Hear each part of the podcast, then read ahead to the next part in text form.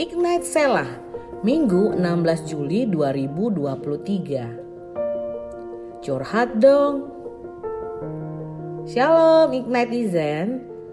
Adakah di antara kita yang senang mencurahkan isi hati kita kepada orang lain?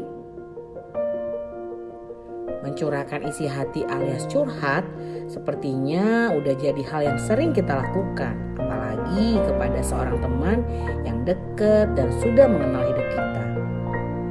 Masa maraknya sosial media, beberapa dari kita mungkin sering memilih untuk mencurahkan hati kita melalui status Instagram atau status WA.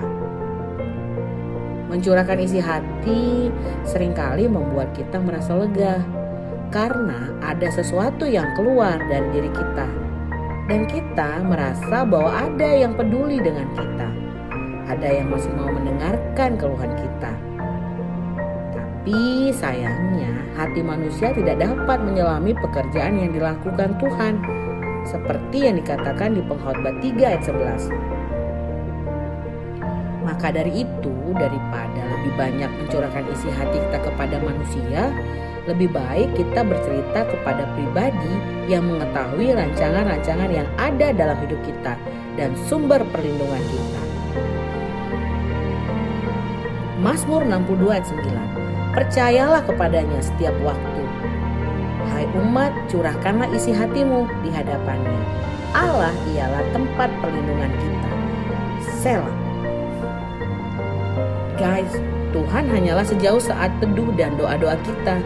Jadi mari terus berkomitmen untuk punya waktu yang terbaik untuk mencurahkan segala isi hati kita kepada Tuhan.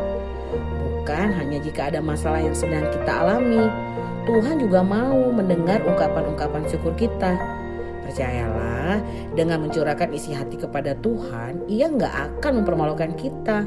Justru kita akan memperoleh kekuatan dan jawaban ilahi, yaitu jawaban sejati yang datang dari tempat maha tinggi, yang akan menciptakan hal-hal yang luar biasa dalam kehidupan kita. God bless you, Sobat Ignite.